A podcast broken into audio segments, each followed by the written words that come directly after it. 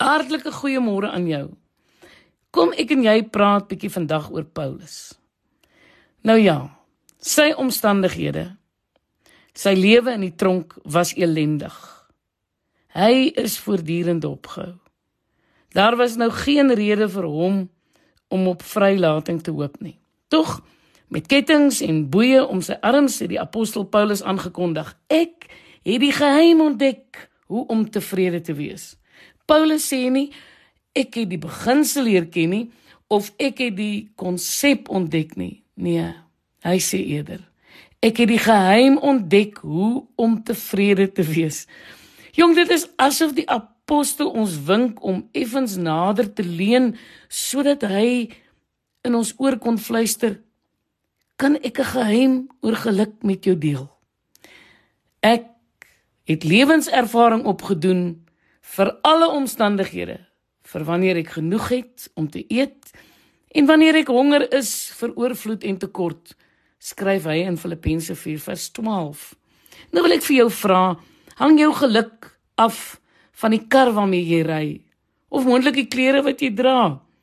Dalk die geld wat jy in jou bankrekening deponeer. Uh moontlik jou parfuum. Indien wel, het jy ingeskryf vir die rotte resies van materialisme.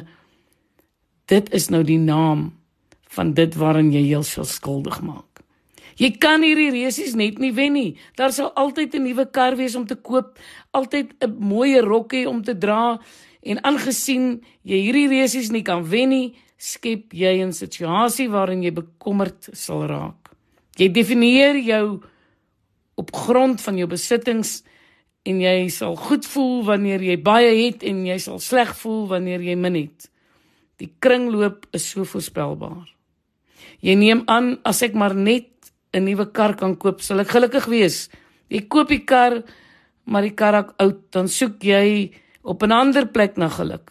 As ek maar net kan trou, sal ek gelukkig wees. Dan trou jy, maar jou lewensmaat kan jou ook nie gelukkig maak nie. As ons maar net 'n baba kon hê, Ai tog as ek maar net kon aftree.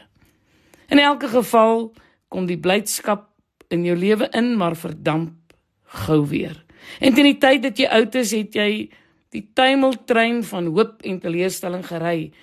Die lewe het jou herhaaldelik net teleurgestel en jy vermoed dat die lewe jou weer en weer in die steek sal laat. Voorwaardelike tevredenheid maak ons gewonde bekommerde mense.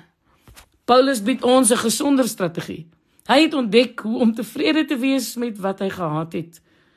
Wat merkwaardig is, want hy het maar min gehad.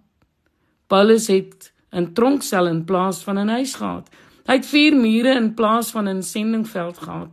Hy het kettinge in plaas van juweliersware gehad en wag in plaas van 'n vrou en hoe kon hy nou op aarde gelukkig wees? Eenvoudig Hy het op 'n ander lys gefokus.